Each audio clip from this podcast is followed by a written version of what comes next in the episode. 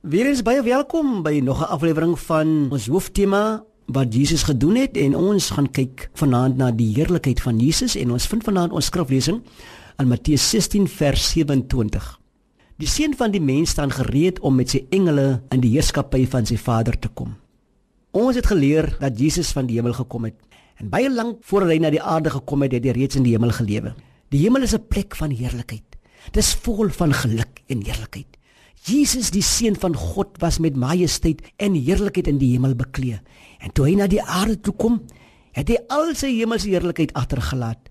En eendag het Jesus vir Petrus, Jakobus en Johannes gesê: "Kom saam met my." En hy het hulle bo op 'n bo berg geneem.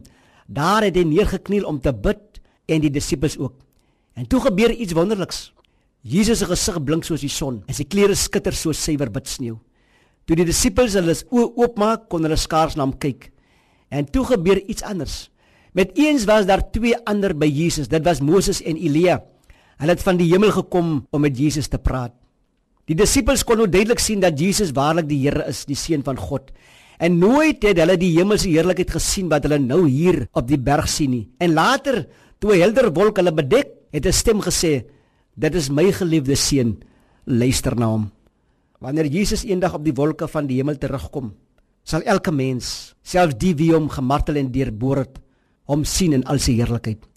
Dan sal elke knie moet buig en elke tong moet bely dat hy is die seun van God. Mag die Here begeerte in ons harte skep om so kosbare parels vir hom te skyn in hierdie wêreld waarin ons leef.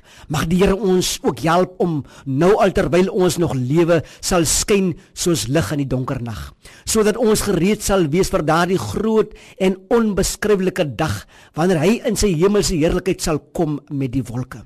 Laat ons dit ook uitroep in ons harte. So die koortjie wat ons so dikwels sing in ons eredienste of byeenkomste, as die verlosters huis toe gaan, Here, help my dat ek aan U kan saamgaan. Geniet 'n wonderlike nagrus.